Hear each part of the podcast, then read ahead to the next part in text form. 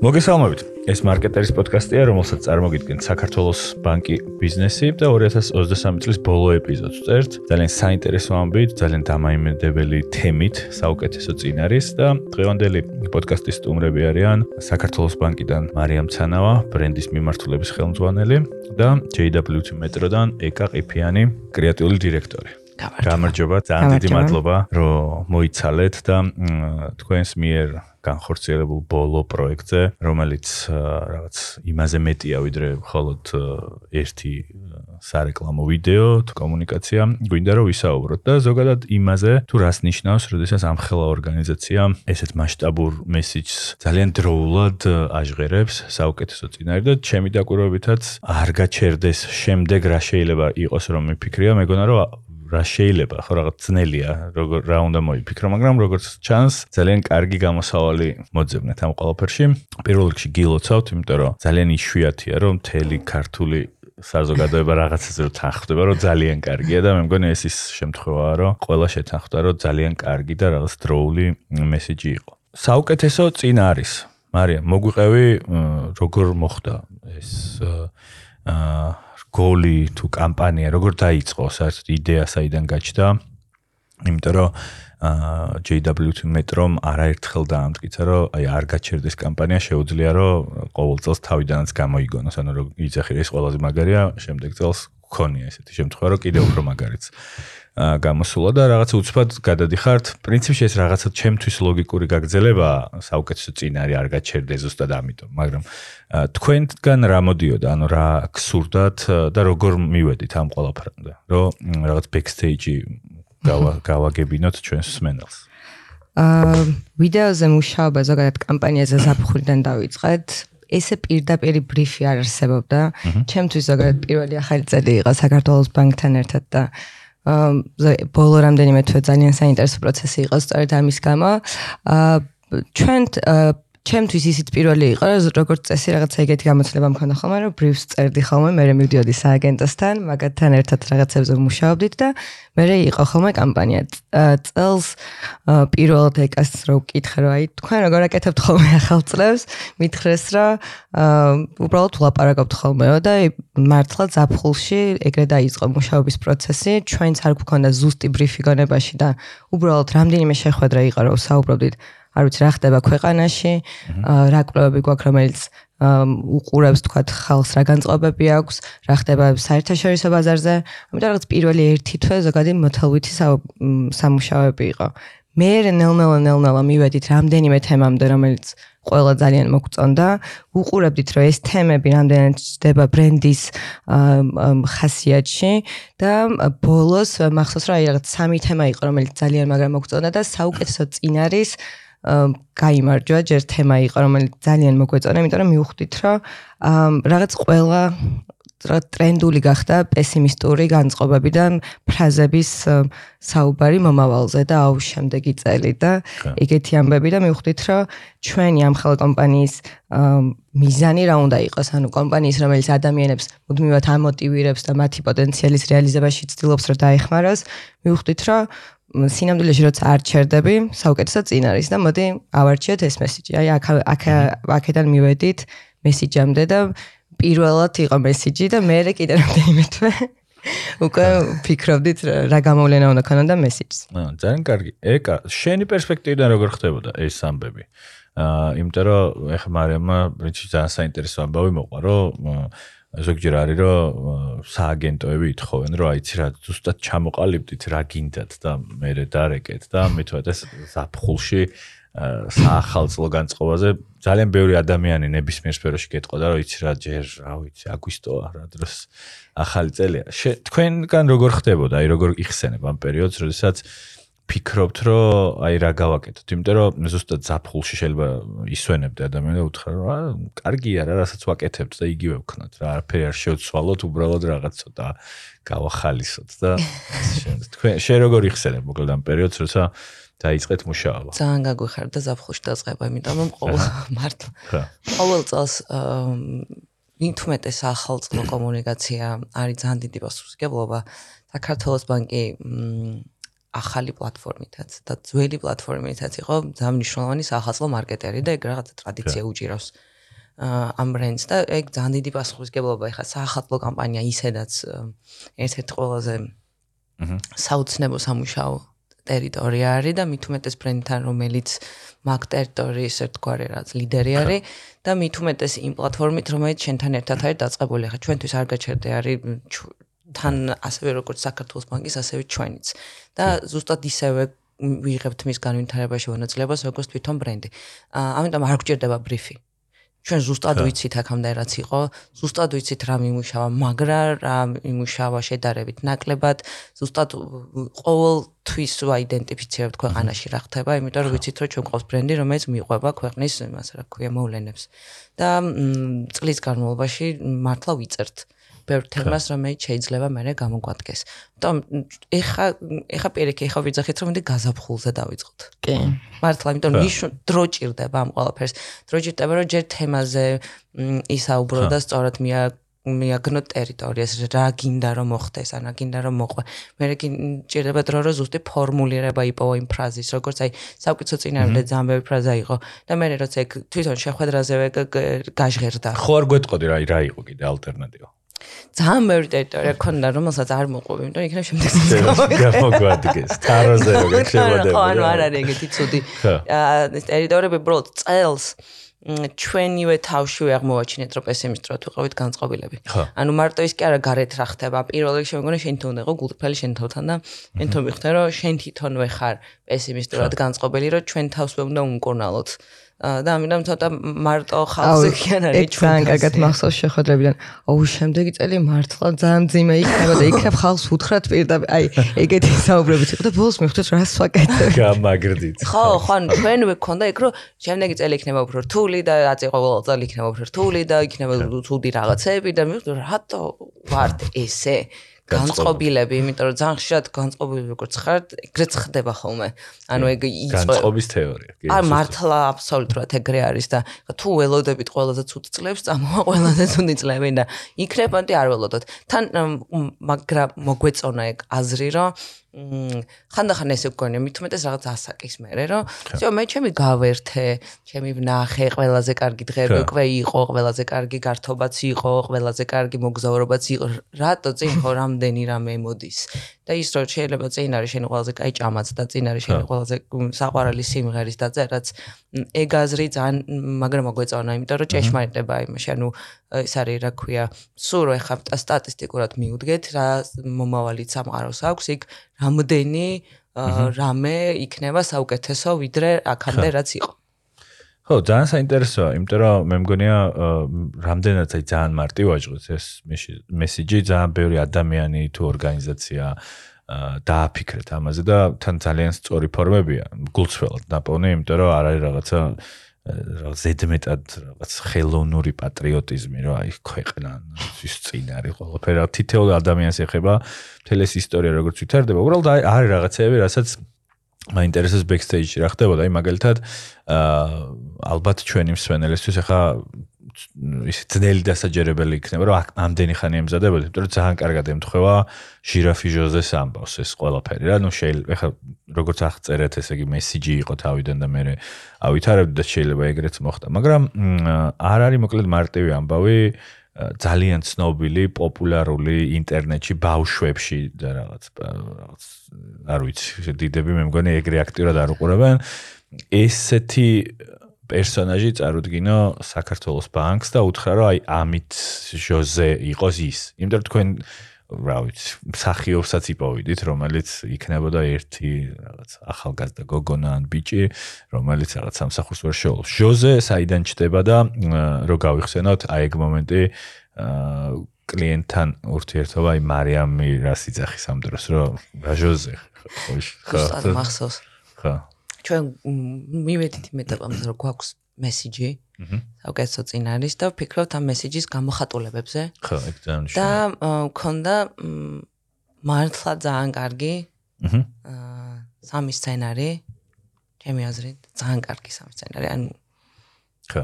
ანუ ეხლა ჩვენ სცენარში ჟოზე რო არ ყოფილიყო, მე გამოხატულება ჟოზე დე იქ უკვე სამი სცენარი გვაგვზად და სააგენტოში ქონდა რაღაც ისინი რა ქვია ვორქშოპები, სადაც მარჩევა ბევრი თემა გვინდა და ამოგვეტივტივებინა და ბიკომ წარმოთქვა ესეთი აზრი, რომ ჟირაფზე ხომ არ იყო ჟოზე არ ვთქვა.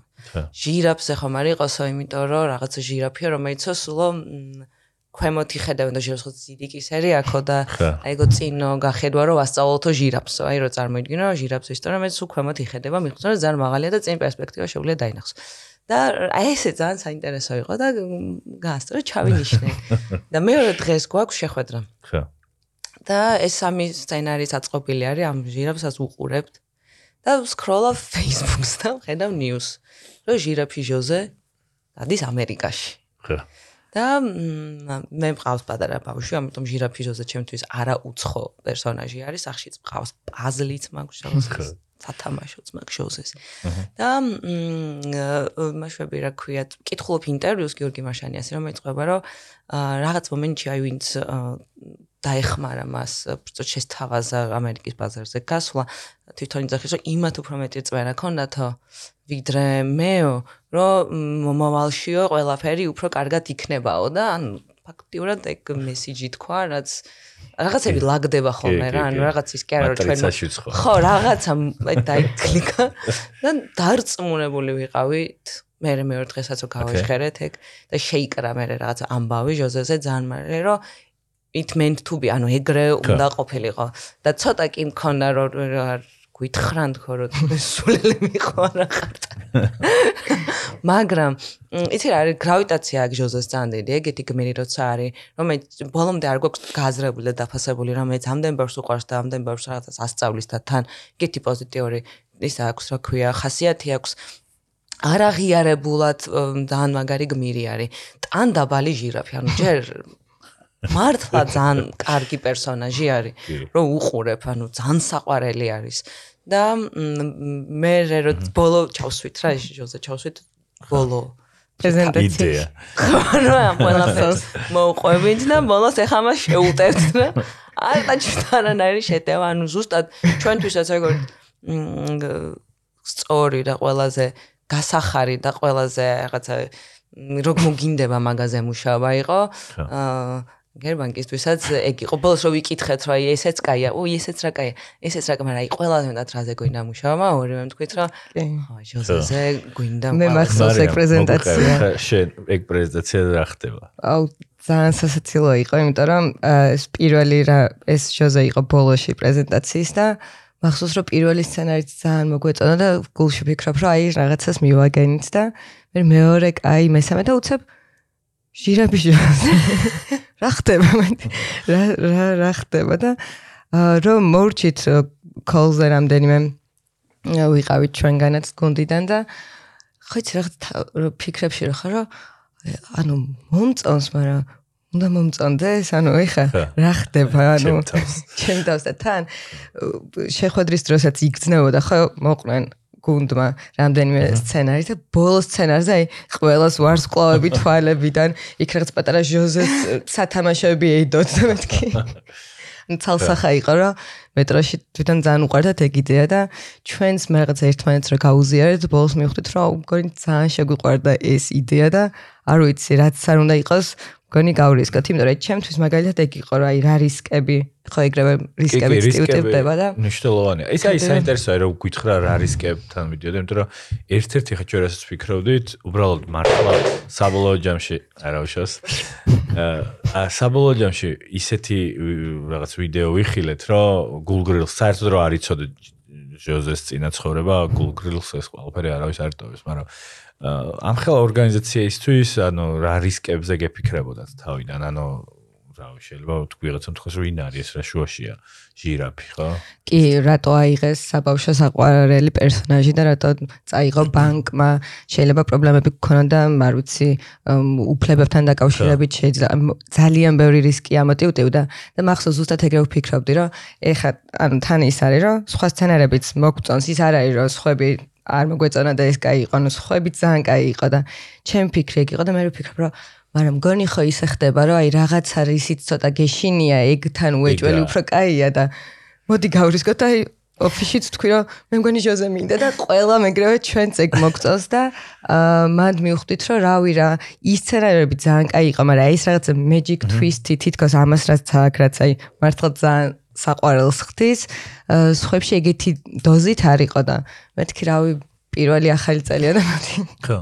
დეგავრისკა კიდე რა მაინტერესებს? აი ცოტა ამ ყველაფერს რო გავცდეთ თვითონ ორგანიზაციებისთვის რამდენად მნიშვნელოვანია მომხმარებელში რა ანუ გარდა იმისა რომ ქვეყნისთვის ძალიან კარგი მესიჯი იყო თავის დროზე ბიზნესის მხრივ რა გავლენა აქვს ხოლმე? აი თუ გიგრძნიათ ან გიფიქრიათ ან თუ იყოს საერთოდ ეს განხილვის თემა პოზიტიურად განწყობილი მოქალაქეები, იმიტომ რომ რაღაცა კვლევები არსებობს, რომ მაგალითად ქვეყანა თუ რაღაც სპორტულ შეჯიბრებაში რაღაც წარმატებას აღწევს, ფეხბურთს ვიგებთ, ძალიან კარგად აისახება ეს ყველაფერზე რაღაც ბინებს ყიდულობენ, მომავალს პოზიტიურად უყურებენ, რაღაც სესხის გამო აქ თუ სახლი გეგმას თუ მეტ შულს აჩენს თუ რაღაც, ანუ ბევრ რაღაცაში აისახება ხოლმე. ამაზე თუ გქონიათ მსჯელობა, რომ ერთი არის რომ რაღაც კი კარგია, რაღაცა, მაგრამ გავლენა რომელსაც შეიძლება რაღაც ბიზნეს კი არა, რაღაც ეკონომიკაზე რა გავლენა შეიძლება კონდეს, იმიტომ თქვენი მესიჯი ხო ეს არ არის რაღაც ერთ ქუჩაზე ან ერთ სახში ან ერთ სკოლაში ნათქვამი. ანუ ეს არის ჩათვალე ყველგან ხდება უკვე რა და ანუ ძალიან საახალწლო განწყობაც თუ რაღაც მომავლისთვის შეხედვა ძალიან ბევრ თელ საქართველოსია უკვე ეს ბილბორდები როგორც უყურებდა. პირველი ის არის რომ ნამდვილად გააზრებული გვაქვს ეგ როლი, რაც ჩვენს კამპანიებს მოყვება ხოლმე. და შენ წინაზე მკითხე და მაგ ეგ მინდა რომ აღმენიშნა რომ სინამდვილეში არ გაჩერდე არსად არ წასულა რა. საუკეთესო ანუ როცა არ ჩერდები, საუკეთესო წინ არის. ეს სინამდვილეში ისევ არ გაჩერდე არის, უბრალოდ სხვანაირად ნათქვამი. ამიტომ ჩვენი ბრენდისთვის არ გაჩერდეს ეპოქა გრძელდება და ვცდილობთ რომ უბრალოდ ახლებურად ვთქვათ ხოლმე. მეორე პოზიტიურ ეფექტზე რო ვისაუბროთ, ეს ძალიან ბევრჯერ დავინახეთ ჩვენი სპორტული კამპანიების შემდეგ და მაგაზე ვსაუბრობდით ხოლმე ჩვენი შეხვედრების დროს, რომ ჩვენ არ ქვეყანას ძალიან მაგრად ჭირდება რაღაც პოზიტიური მესიჯები, გამარჯვებები, თუნდაც პატარა, იმიტომ რომ ძალიან გადამდებია ეგეთი ამბები და ჟოზესთან დამეგობრება ხოლოდ ისიც კი არისო, რომ პერსონაჟთან დამეგობრდით, დამეგობრდით გიორგისთან და მის გუნდთან, რომელიც თავის ხრივ ბიზნესია, რომელიც არ ჩერდება. და ეს შეიძლება ძალიან მომოტივირებელი იყოს სხვა პატარა ბიზნესებისთვის, რომლებიც არ ჩერდებიან და რომლებიც სულ ახალ რაღაცას აკეთებენ, იმიტომ რომ გიორგის ისტორიაც მახსოვს, რომ ის თავიდან ყვებოდა, რომ როგორ გაუჭირდა ამ ყოველფრის დაწყება და რა რთული იყო პირველი ნაბიჯების გადადგმა და დღეს, როდესაც უკვე ამერიკაში არის ჟოზე და მე უკვე რაღაც ამდენ რაღაცას აკეთებენ, აა გონია რომ idеალური მაგალითი არის ეს კამპანია არა მხოლოდ ადამიანებისთვის ის უბრალოდ პოზიტიური განწყობის შესაქმნელად არამედ ბიზნესებისთვის რა ხდებოდა რა აი ადამიანებმა არაფრისგან დაიწყეს ეს პროექტი რომელიც თავიდან ძალიან დიდი გაჭირვებების გზით დაიწყეს და თითქოს არავის ჯეროდა მათი და ახლა უკვე ყოველთვის საყვარელი პერსონაჟია და მგონია რომ ეგ პოზიტიური ეფექტი აუცილებლად იქონიას გავლენას ადამიანებზეც და ბიზნესებზეც. კი, და მე დარწმუნებული ვარ ამაში. ეკას მინდა დაუბრუნდე, ეკა მოკლედ რაღაც წინარე პერიოდი ბყევი და უცბად იგებ რომ კი დამკვეთს მოწონს თქვენს პარტნიორს, ანუ რაღაც მგონია რომ მეტრო და საქართველოს ბანკი ისე შეთამაშებულია, რაღაც ეგ ეგ ზღვარი მოშლილია. და იგებ და მე რა იწება, იმიტომ რომ შეიძლება რაღაც მომენტები იყოს, რომ ფიქრობ, რომ ეს რა აუტეხე ჩემ თავს, იმიტომ რომ გადაღებამდე ცოტა დრო არის დარჩენილი, ჟოზე გიორგი მარშანიას უნდა აუხსნა, რომ მისი საყვარელი პერსონაჟი, რომელიც ჩაიფიქრა, რომ რაღაც ბავშვებს უყარდეს უცბად თავარი როლში რგოლშია და პლუს ამას ეს არ არის მარტივი გადასაყები, იმიტომ რომ რაღაც თოჯინა არის ხო შექმნილი ამ ყველაფერს და ეს არ არის გრაფიკა. არის გრაფიკა არის. გრაფიკა არის? ნახევარ თოჯინა, ორი ყველაფერი არის. ყველაფერი ხო? აი მოგვიყევი. ხო, როგორ ხდება? იმიტომ რომ ყოველ ერთ-ერთი ჩემთვის საინტერესო არის, იმიტომ რომ მე მქონია ხ ბევრ ადამიანთან რაღაცას რო ქნის და შენ როგორც კეონები რა ეს შენ კი ქნი და ხალხს უყვარს, მაგრამ მე ამ ფორმაში წარმომიდგენია უცბად რაღაცა თავდაცვები ერთვება, რომ არა შენ ჩვენ ჟოზეს ვერსად ვერ გადაიღებ და რაღაცა. აი ეგ პროცესი როგორ მიმდინარეობდა და მე გადაღებაც მოხდა. ვიღელვეთ ფანგაზე ცოტა რა გიორგი როგორ მიიღებდა ეხა ამ მოეპირიქით გაუხარდებოდა თუ იტყოდა რომ რა ვიცი სულელები ხო არა. და ესე ასევე მოემზადეთ ამ პრეზენტაციისთვის. ან თან უნდა ვთქვა, რომ პირველად იჟოზე სცენარი არ არის ის სცენარი, რომელიც ეხა ვნახეთ, ანუ ფაბულა დაახლოებით იგივეა ის რაც ცდილობს და რაღაცის გამო არ გამოთავის ხასიათის გამოძიდა. და ბოლოს გამოუვა, თუმცა ცოტა სხვანაირი რაკურსით იყო ნაჩვენება. მე პირველად სცენარი რომ მოუყევით, მართლა მახსოვს, რომ ხელებით და ფეხებით ყვებ და ძალიან მოეწონა და გაგვიხარდა თვითონ გიორგის დამოკიდებულება პირველ რიგში რაღაც ჩვენ და მე რაღაც ისე მოგვექცა რაღაც გვანდო თავისი მირე ანუ თვითონ აი გდობა გამოგვიცხადა რომ მე თქვენ გენდობით. რა ჟოზეს სწორად მოექცევით და თავარი ის არის რომ თვითონ სცენარის მიხედვით თქვა რომ ეგ არის ჟოზეს ხასიათი რაც აქ არის მოცემული ეს არის ჟოზე ეს არ არის რაღაცა მოგონილი და შეწაწებებული ეს ნამდვილად ჟოზეს ხასიათში ჯდება პირველ რიგშიც ეგ იყო ყველაზე მთავარი და მე ეგ რო დავფიქსეთ რომ всё გვაქვს გიორგის თანხმობა და ჟოზე ჩვენთან ერთად არის მე იყო ყველაზე ესეთი სანერვიულო ეპიზოდი რომ როგორ ვაკეთებთ იმიტომ რომ კი აი ჩვეულებრივი გადაღებისთვის საკმარისი დრო იყო ოკეი. აი ჩვეულებრივი გადაღებისთვის. მაგრამ ამისთვის არა, იმიტომ რომ ჩვენ თვითონ ვერ მივხვდით როგორ უნდა აი ეს რაღაც ორი დეჟოზე. როგორ უნდა წარმოვიყვანოთ ახლა ჩვენ სამყაროში. ჯერ როგორი გამოსახულება უნდა კონდეს ისე რომ თან იყოს 3D და იყოს რაღაც სივრცული, თან იყოს რაღაც არსება. რომ ჯერა რო არსებობს და თან როგორ შეხედავ ჟოზე იყოს, ანუ კამათო თქვა რომ ხო ეს ჟოზეა და მაგაზე ძამაგრა ვინერვიულეთ და ტექნიკურთაც როგორ უნდა გაკეთებულიყო, მაგაზე ძამბერ კითხვები გქონდა ყველაფერი დავსერჩეთ, ყველაფერი ვნახეთ, ყველანაირი გზა ვნახეთ, ყველას ველაპარაკეთ და ყოველთვის ყველაზე დიდი პრობლემა იყო დრო. და გვეუბნებოდნენ რომ ანუ სრულად 3D უნდა გააკეთოთო უმეტესი სტუდია გურჯა ოღონდაც ამ დროშიო 4 კადრი მოესწრებაო. ხო, შოზე ხელს გვიქნევს. 4 კადრი არის. გვერდზე იხედება. ხოლო. და შეუძლებელი ანუ არ არსებობს. მე ვიპოვეთ ვფიქრობ და ანიმატიკის ხარ გავკეთოთ, როდესაც ის არის, რა ქვია, ჟოზეს ტანი არის და მოძრავია. ეგ აქ არ კეთდება და მაგის გაკეთება კიდევ რა კი კი ერთი თვე არ არის. და ბოლოს მივედით რომ მოდი გავრისკოთ და გავაკეთოთ როგორც ტანი ნამდვილი და მე თავი გრაფიკა highway დაგვიპარტნიორდა და მართლა ძალიან დიდი მადლობა. ფენომენალურად იმუშავეს. აი ფენომენალურად იმუშავეს და ეტყობოდათ რომ იმათვისაც fashion პროექტი იყო და და სხვანაირად მიუდგნენ აბსოლუტურად და წამოყვენ ბოლომდე. აი ერთი წამი არსად არ დაუგვიანიათ რა ესეთ პროექტზე ძალიან რთულია და ესე ქონდა რა ნუ ორი კვირა ზუსტად როგორ ქონდა გაწერილი ტაიმლაინი ერთი დღე იყო მარტო ლუფტი. ხა. ერთი დღე დანარჩენი იყო რომ მასკოტს ჭირდებოდა შეკერვა 10 დღე, მე იქიდან ერთი დღე ქონდა აღებული ტესტებისთვის, მე გადავდით გადაღებაზე, გადაღებე რო რჩებოდა იმ დღეს უნდა დაგვესრულებინა, შემდეგ დღეს უნდა მორჩენილიყო უკვე მონტაჟი, ანუ გადაღების დროს უნდა ყოფილიყო მონტაჟი, პარალელურად ყველა კადრი გრაფიკისთვის უნდა მიგვეცა, მე პირველი რა colors-ზე ცოტა სულყო ჯერ ნახევარი სანამ გრაფიკა იქნება, ანუ დეტალურად საათებით იყო გაწერილი, რომ მოგვესწრო თავის დროზე ყოფილიყო ყველაფერი და production-ზე ჩვენც ვიძახდით, რომ სად არის გადადამარხული, ანუ ესე კი გავწერეთ. ესე. კი, მაგრამ ხო ვიცით რომ ესე არ იქნება და ბოლო წამამდე მართლა გეუბნები აჩის მაგის ეს აუნცვეუნები წინა დღეს, ანუ უკვე მიცემული გვაქვს. ვიდეო და მეუბნები რომ რა ხდება აჩი? სად არის ის პანიკა და ის რაღაცა, რაც არ არის. იყო ერთი შემთხვევა, როდესაც პირველადი მასკოტი თავი ძალიან კაი გამოვიდა და ტანი ვერ და მე წავი ფორმა არ გაასწორა, თავიდან შევკერეთ და მე რომ მოვიდა, მაგ ეგ იყო ის ერთი დღე ტესტებისაც გადავა. არ დაემთხვა თავიდან. არა, არა, ფორმა არ ქონა რა, კარგი. და ამიტომ რომ მოვიტანე ტესტების დღე ამოგვივარდა. და შიგნით მსახიობს მოუწია პირდაპირ გასვლა გადაღებას და უშტო რომ ვერ მოძრაობდა.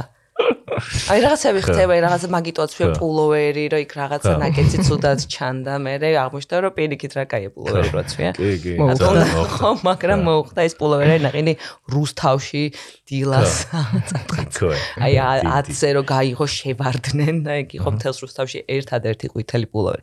აი ესეთი რაღაცები მოხდა, მაგრამ ისეთი მობილიზება იყო და იმდენად ყველა, აი მაგ მივხვდი რა არის კარგი იდეის ძალა, რომ მარტო შენ კი არ მოგწოს და მარტო დამ დამგვეც კი არ მოწონს, ვინც არის ჩართული ან მოფიქრებაში, არამედ აღსრულებაში, ყველა თავის მაქსიმუმს დებს.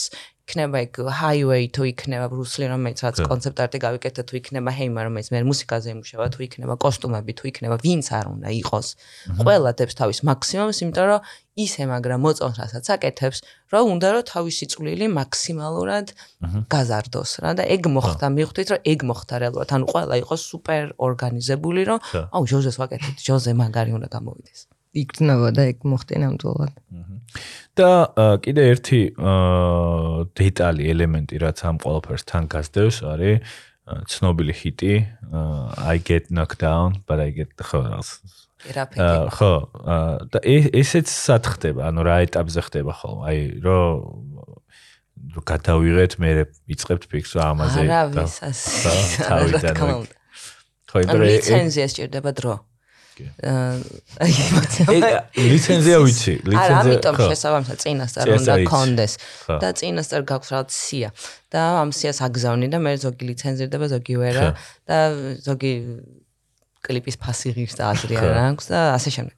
და რომ გავაგზავნეთ პირველად ისია რა 10 არ მოთ იქ არისო get knocked down აა და იყო რაღაც სხვა სხვაიც კარგები. კარგები მაგრამ აა იქაც იყო ერთი ორი მოლოდნელი, მაგრამ მაგრამ მაინც უფრო თავიდანვე ორიგინალში როგივე ხასიათის არის როგორცაც იყენებდა. მე რო აი ეს თავარი ყველაზე მეტად რაც იმ მომენტში გვინდა და იმაზე რო გართულდა მიხვდით რომ რთულდება იმის ლიცენზია და ერთი დღე გვაქვს მისაცემად დავიწყეთ ძიება ყველაზე ოპტიმისტური სიმღერების. ოღონდაც ვეძებეთ სპეციალურად ესეთი upbeat ტემპში რომლის დაკავერებას და ანუ ტემპში ჩამოწევა იქნებოდა საინტერესო. ანუ ვიფიქრეთ რა მოდი კავერით გავაკეთოთ.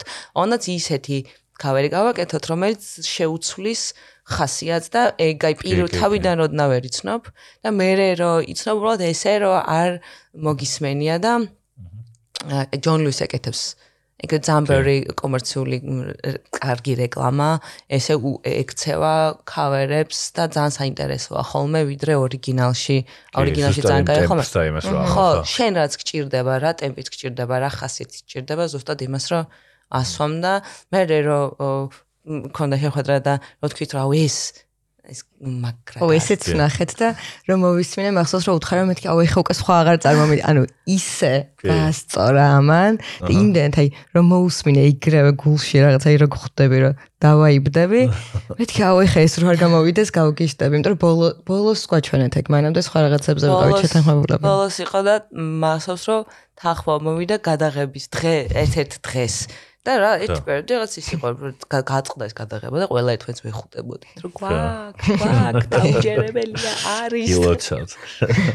ხო ეგ არის ხოლმე გამოწვევა მოკლედ ეს მუსიკა რა ვიცი თან მივაწოდოთ საზოგადოების ინფრასტრუქტურა. აი, ჩემთვის ერთ-ერთი სანერვიულო მუსიკა იყო. არა, არ არის მარტივი საერთოდ. პლუს მე აქვე თან ეს მუსიკა გაკეთდა კაცო ჰეიმამ და ლუა მიმუშავეს და ჩაწერეს და თავიდან ბოლომდე ფაქტიურად ახალი ვერსია, რომელიც არის Spotify-ზე. აა, მარიამ, შიგნით რა ხდებოდა? იმიტომ რომ რაღაცა დიდ ჯგუფში მოხდა ამ ვიდეო რგოლის პრეზენტაცია, როგორც ვიცი.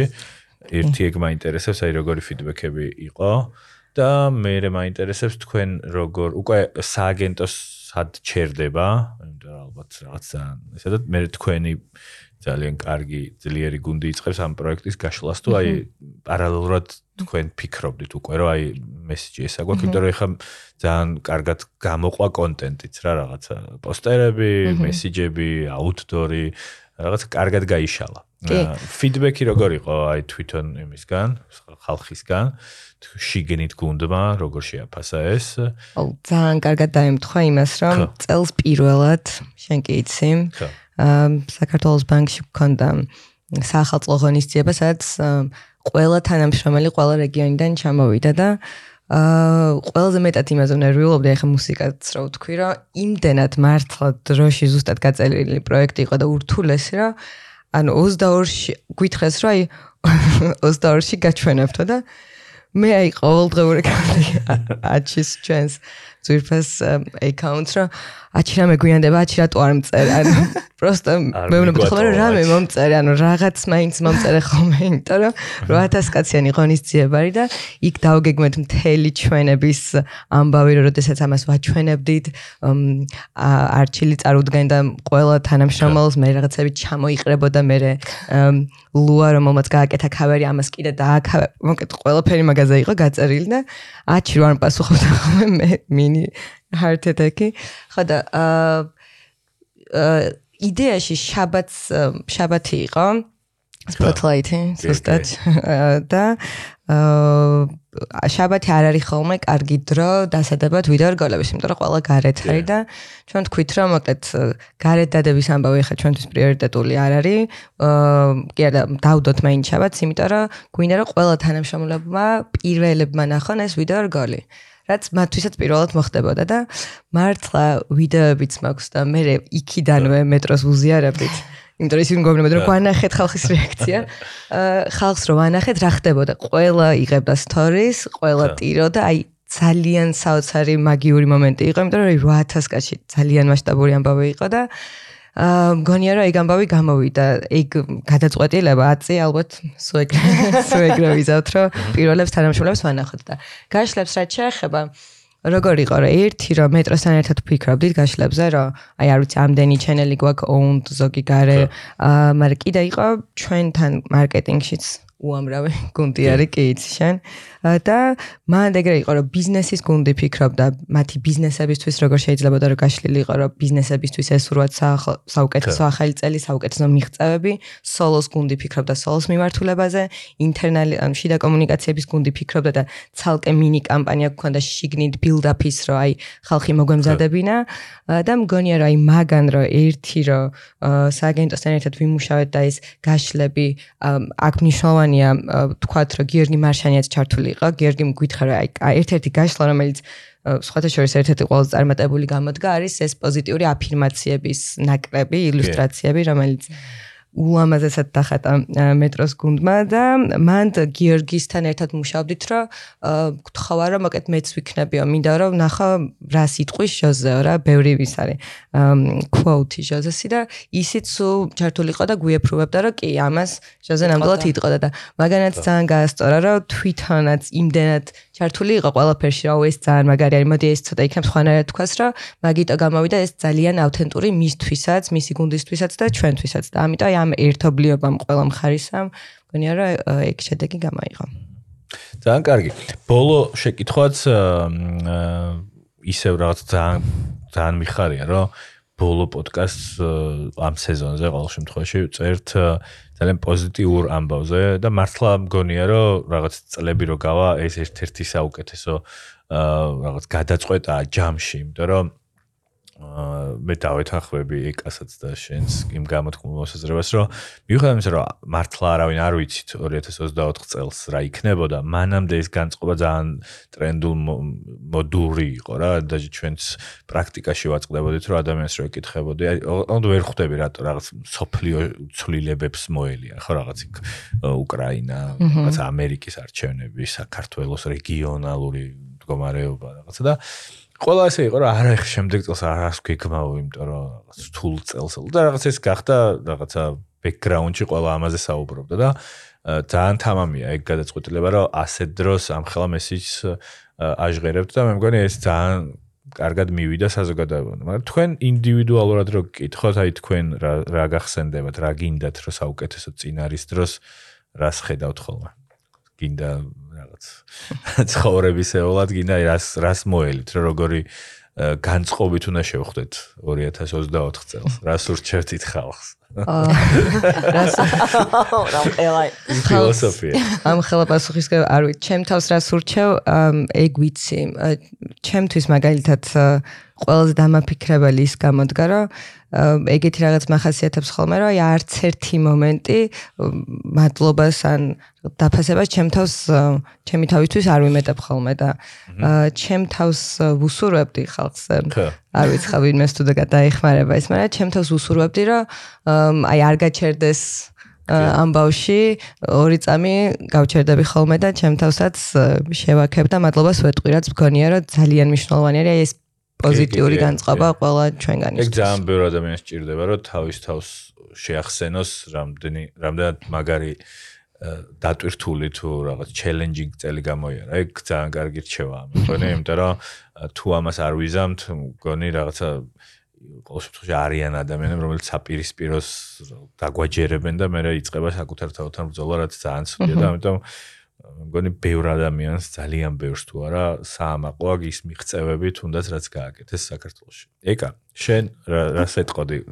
ბოლო მესიჯი რა გექნებოდა ჩვენს სვენელისთვის? საუკეთესო წინ არის, როცა ამას ამბობდი. აი, ვინმე შეიძლება სახელი და გვარი არ თქვა, მაგრამ აი როგორ ადამიანებს მიმართავდა ეკა ყიფიანი, როცა იძახდა, რომ საუკეთესო წინ არის, ვისი გამხნება გინდოდა პირადად შენ? ვისაც ისაც შეუძლია რა. მართლა ძალიან მე მგონია რომ ნუ ყველა აი ხა მარიამს დავეთანხმები რა შეიძლება რომ მადლიერება არის ძალიან მნიშვნელოვანი. რომ რაღაცები თუ იყოთ მადლიერი და რაც არის. იმ რაც არ არის იმას კი არ ვსდიოთ, რაც არის. ის დავაფასოთ ხოლმე ჩვენში თუ გარემოში, რაც არის და ის გავაძლიეროთ. და ის იმას ვქნათ რა ქვია, მივაწვეთ და ძალიან ბევრი ადამიანია საქართველოში, რომელსაც ძალიან ბევრი რამის გაკეთება შეუძლია. ძალიან ბევრი ადამიანია, ვისაც საკუთარ თავის არ ჯერა, მაგრამ ძალიან ბევრი რამის გაკეთება შეუძლია. ძალიან ბევრი ადამიანი, რომელიც ცოტა ეხა ჩაქიმული არის და ვიცი, პოტენციალი აქვს, მაგრამ რაღაცად ამოქოქვაჭირდება. და მე მგონია, რომ ის რომ კანდიდატის სტატუსით გვეღირსა, ერთგვარი რაღაც ის იქნება. ეხლა ცოტა კი, კი, კი, ძალიან ისეთი. გაგვიხსნის ჩვენს თავში იმას, რა ქვია, რომ რაღაცა თლათ არ წავაგეთ. არ ვართ წაგების გზაზე, გამარჯვების გზაზე გვაქვს და ეგ გონია რომ შემდეგ წელს ძალიან დიდი მუხტი იქნება, რაც არ უნდა მოხდეს. სადღაც ეგ თავში გვექნება, რომ ეგ ერთი მოგება გვაქვს და ესე იგი ღირს და ღირს არ გაჩერებას და წინ წასვლაც და რაღაცები ძალიან კარგები წინ გველოდება. მე მგონი ცოტა ეგ რა, იმიტომ რომ ეგ მე გადამდებია ერთმანეთთან და მე რომ ოთახში ვარ სადაც მოხოდილები არიან, მეც ვიხოდები. ზუსტად ეგრეა ხო ეს მე ვცელდება, იმიტომ რომ ასევე რაღაც შეჩეული გქონდა ტერმინოლოგიაში მე დაკვირვებული ვარ რომ აქ მაინც არაფერი არ გამოვა და ხალხი იწყებს საქართველოს ფარგლებს გარეთ თითქოს უკეთესი შესაძლებლობების ძიებას მაგრამ მგონია რომ ერთის ხრივ ეს კამპანია და მეორეს ხრივ ეს ამ კამპანიას შეიძლება რაღაც პოზიტიური ვირუსის ეფექტი ქონდეს რომ ჩვენ თუ ადამიანები დავიჯერებთ და ჩვენ თითოეულ საქმეში გავავრცელებთ იმას, რომ საუკეთესო წინ არის და თუ კი ამაში ერთმანეთს დავეხმარებით, რა მარტო შეიძლება გაგვიჭირდეს, მაგრამ ერთმანეთს დავეხმარებით, აუცილებლად საუკეთესო წინ არის. ძალიან დიდი მადლობა მარიამს და ეკას, ძალიან სასიამოვნო საუბარი გამოგვივიდა. ჩვენს სმენელსაც მინდა დიდი მადლობა უთხრა. 20000 ადამიანი ყავს, რომელიც სისტემატურად გვისმენს და ეს ეპიზოდი იწერება და დაიდება 30 დეკემბერს. საუკეთესო მჯერა რომ ჩვენთვისაც და მთელი ქვეყნის წინ არის ძალიან დიდ გამარჯვებებს და საინტერესო თავგადასავლებს ველოდები და ყოველს გილოცავთ ახალ წელს და გისურვებთ ყოველივე საუკეთესოს. დიდი მადლობა ეკა და მარია. მადლობა. შეხვედრამდე.